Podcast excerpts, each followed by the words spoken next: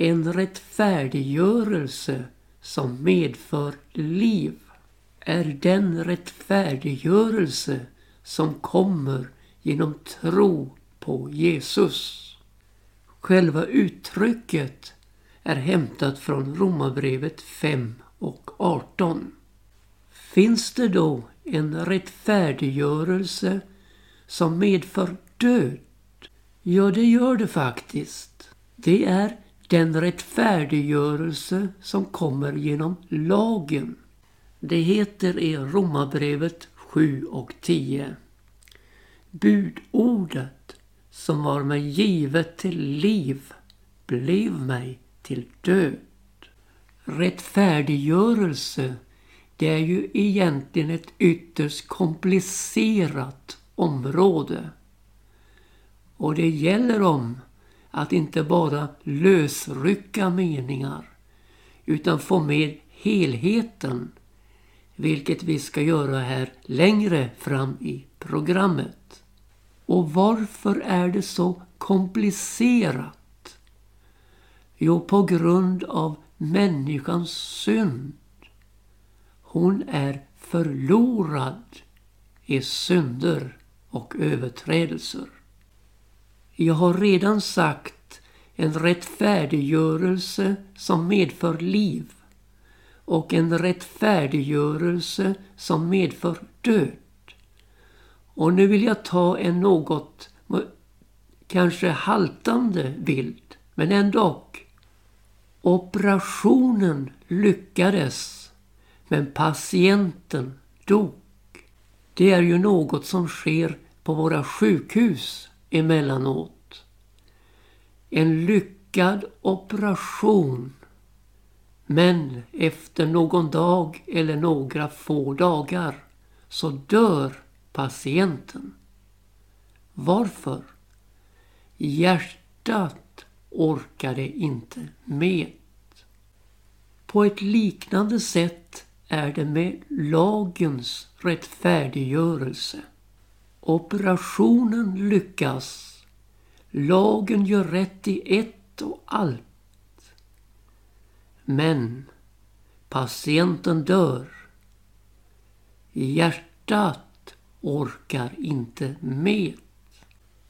Och den operation som skulle ge mig liv för mig till död. Genom lagens operation i mitt liv fick synden liv och blev till övermåttan syndig och jag hemfall åt döden. Det som låg där latent i mitt väsen tryckte och skavde och regerade fick helt plötsligt liv. Och det ledde mig till död. Människans situation är den här. Alla har syndat och är i saknad av härligheten från Gud. Romarbrevet 3 och 23. Och Romarbrevet har två benämningar på vår kropp. I kapitel 6 och 6 möter oss begreppet syndakroppen. Och i kapitel 7 och 24 heter det dödens kropp.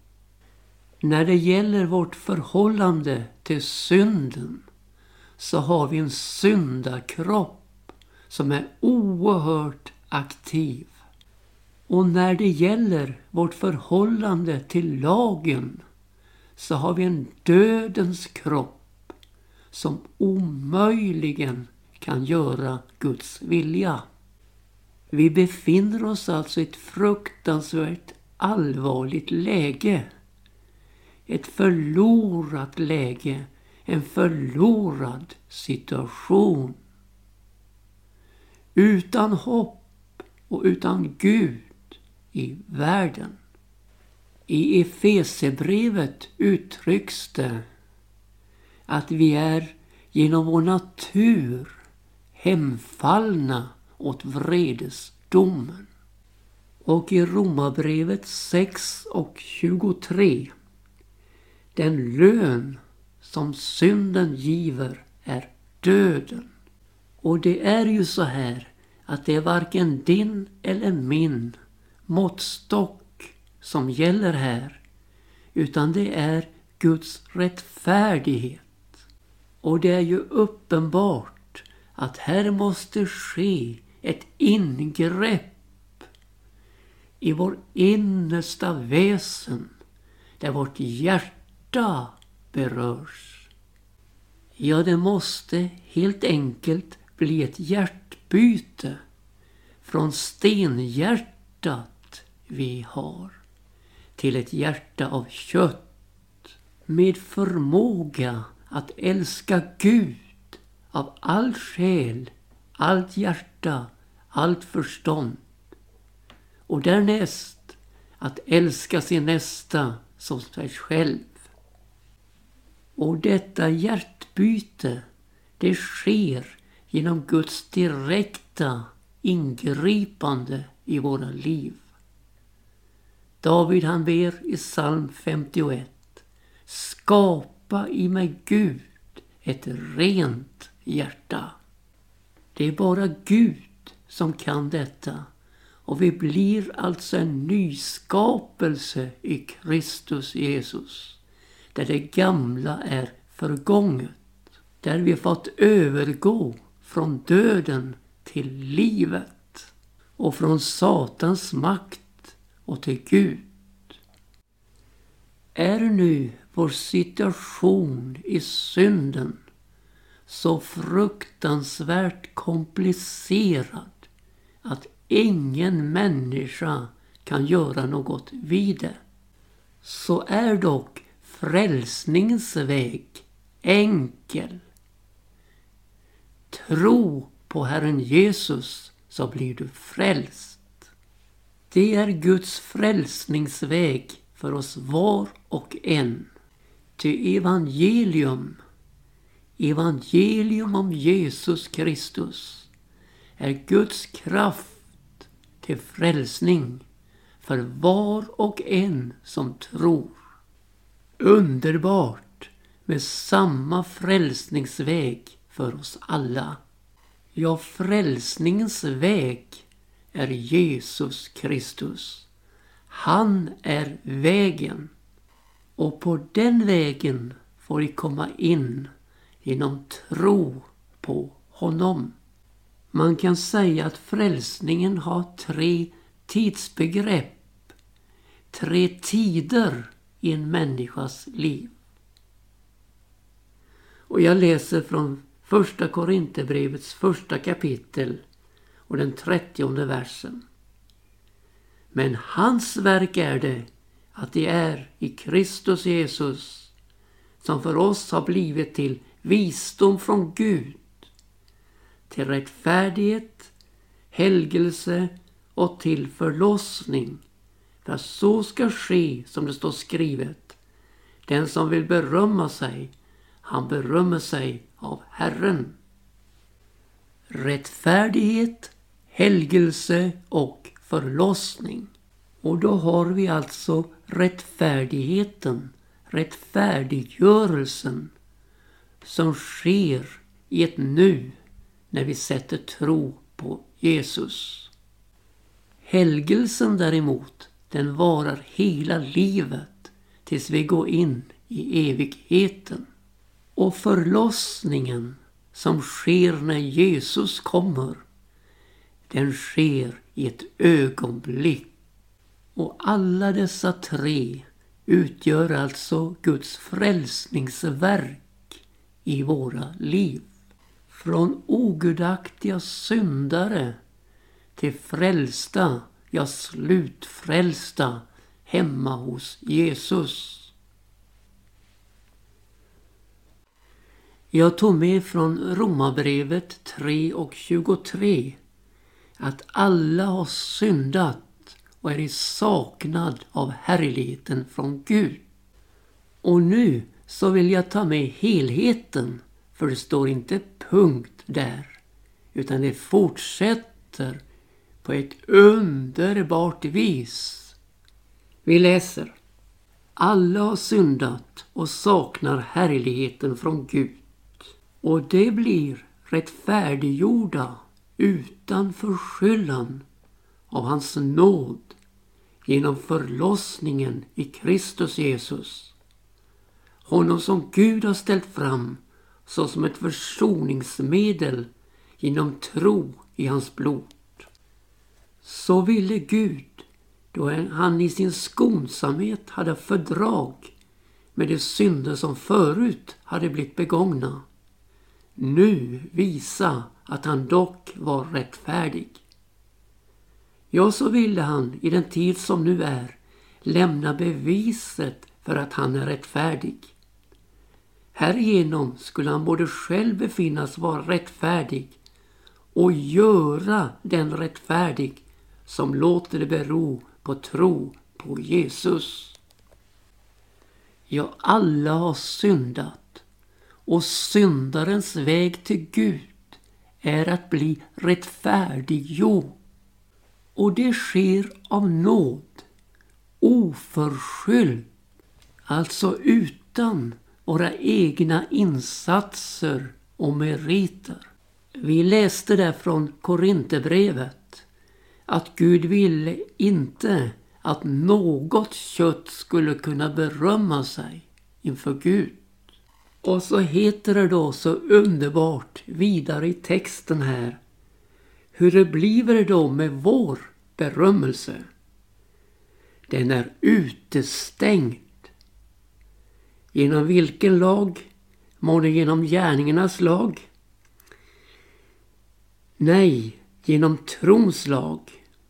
Vi håller nämligen före att människan blir rättfärdig genom tro utan laggärningar.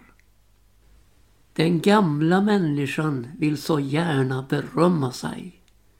Men så möter oss rättfärdiggörelsen och all vår berömmelse är utestängt.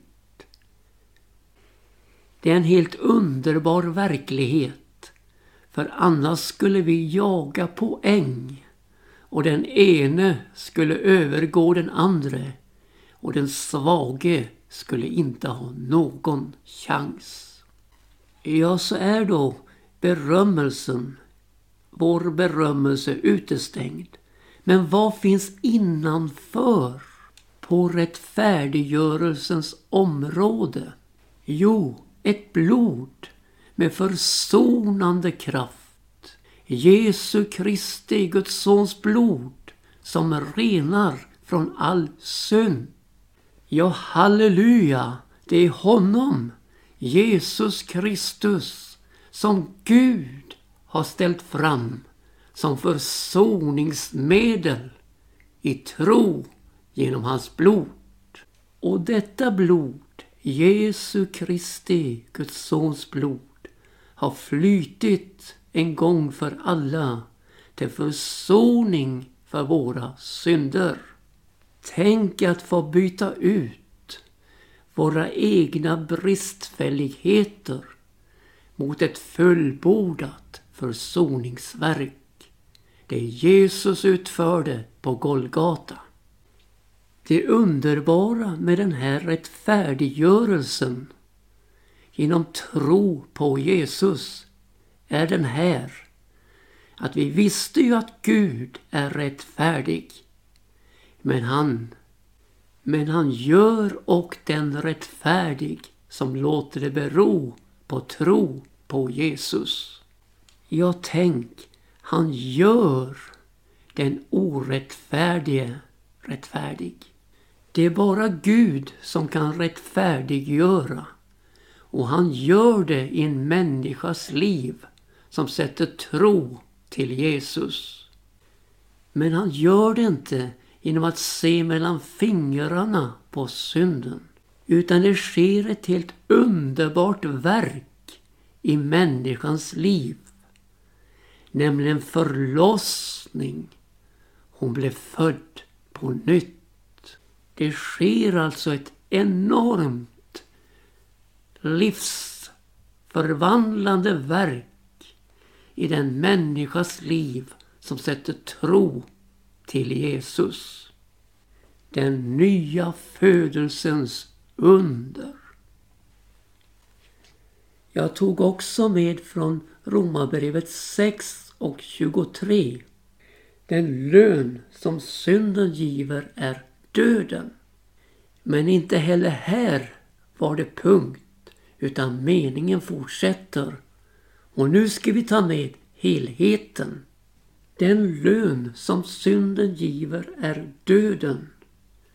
Men den gåva som Gud av nåd giver är evigt liv i Kristus Jesus vår Herre. Ja, Gud är så angelägen om att vi ska få uppleva en rättfärdiggörelse som medför liv. För tänk om det skulle vara så här att det inte fanns någon rättfärdiggörelse.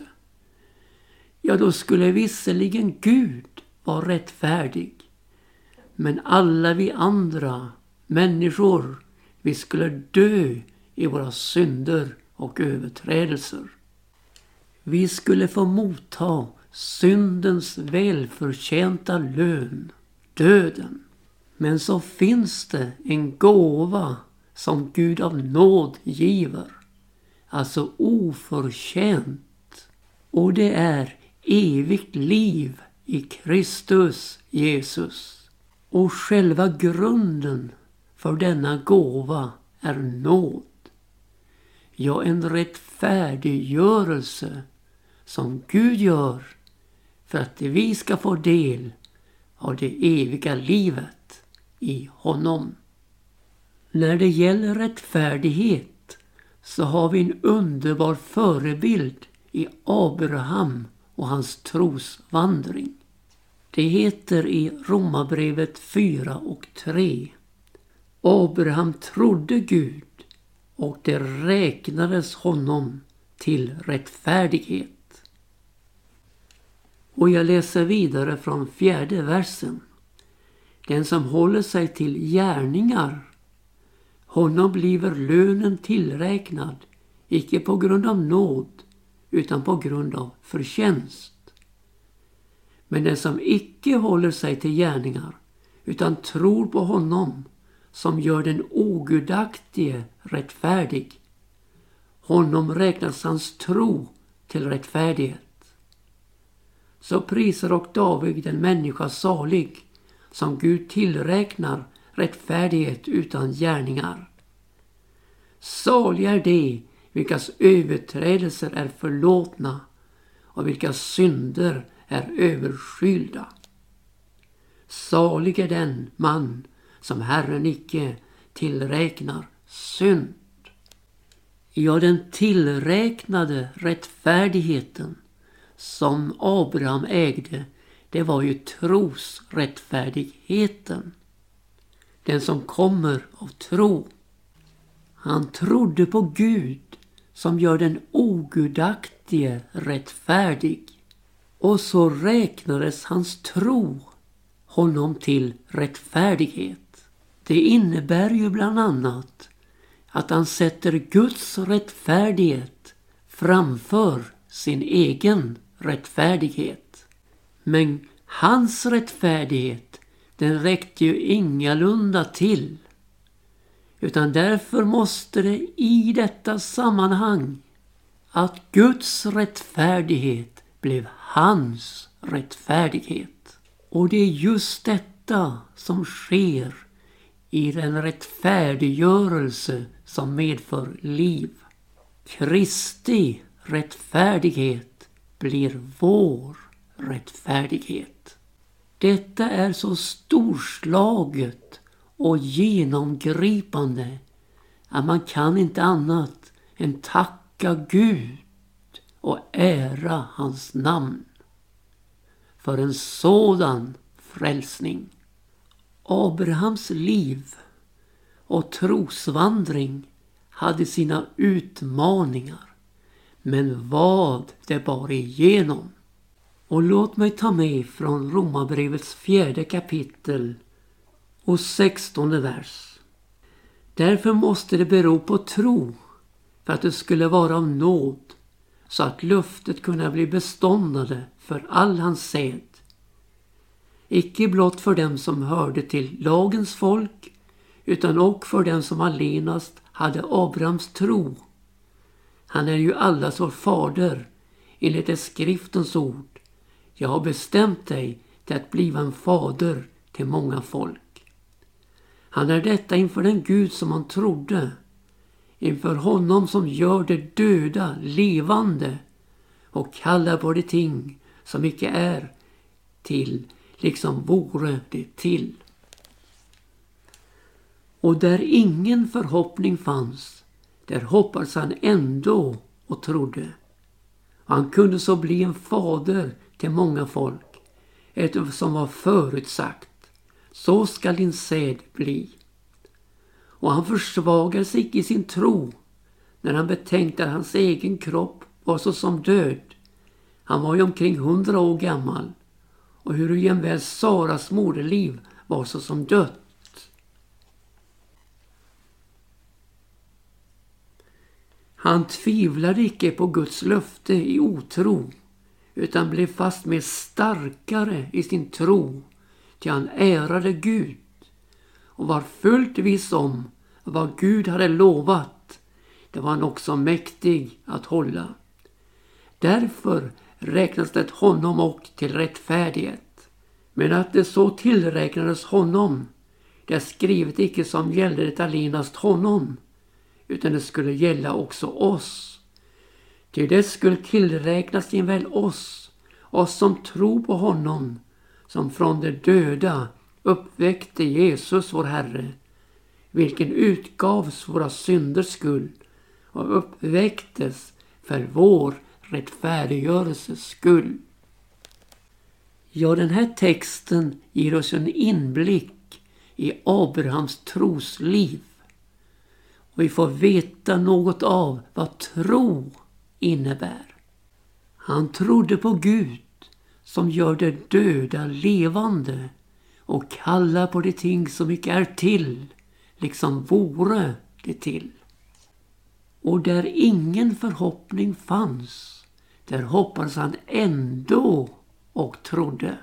Och när han betänkte omständigheterna så försvagades han inte i sin tro utan blev fast med starkare i sin tro ty han ärade Gud och var fullt viss om att vad Gud hade lovat det var han också mäktig att hålla. Och här har vi trons själva pulslag. Nämligen att ära Gud. Ja, det var den tron som räknades Abraham till rättfärdighet. Den tillräknades honom. Och lägg märke till denna verklighet att denna tro skulle också tillräknas oss till rättfärdighet. Oss som tror på honom som från de döda uppväckte Jesus vår Herre vilken utgavs för våra synders skull och uppväcktes för vår rättfärdiggörelses skull. Du ser att Jesu död och uppståndelse är det helt avgörande i vår rättfärdiggörelse. Ty om du med din mun bekänner Jesus vara Herre och i ditt hjärta tror att Gud har uppväckt honom från de döda, då blir du frälst. Ty genom hjärtats tro blir man rättfärdig och genom munnens bekännelse blir man frälst.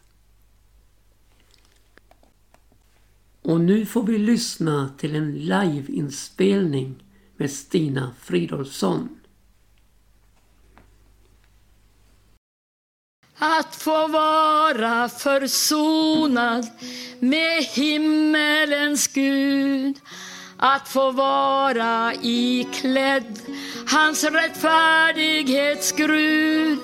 att få äga Guds frid i sitt hjärta alltid. Det är nåd, ja underbar nåd. Det är nåd, ja underbar nåd. Det är nåd, ja underbar nåd att få vara försonad med himmelens Gud. Det är nåd, ja underbar nåd. Att få äga i Jesus en frälsare god. Att få rening från synden i Guds lammets blod. Att få tro Herrens ord, vara gäst vid hans bord. Det är nåd, ja underbar nåd. Det är nåd, ja underbar nåd. Det är nåd, ja underbar nåd att få äga i Jesus en frälsare god. Det är nåd, ja underbar nåd att få vittna om honom som köpt oss åt Gud. Att få bringa all världen försoningens bud. Att få leva var dag under kärlekens lag. Det är nåd, ja underbar nåd. Det är nåd nåd, ja underbar nåd. Det är nåd, ja underbar nåd. Att få vittna om honom som köpt oss åt Gud. Det är nåd, ja underbar nåd. Att få stå bland de frälsta i himlen en gång. Att få sjunga där hemma det saliga sång. Att få jublande där möta frälsaren kär. Det är nåd, ja underbar nåd. Det är nåd, ja underbar nåd. Det är nåd, ja underbar nåd. Att få stå bland de frälsta i himlen en gång. Det är nåd, ja underbar nåd.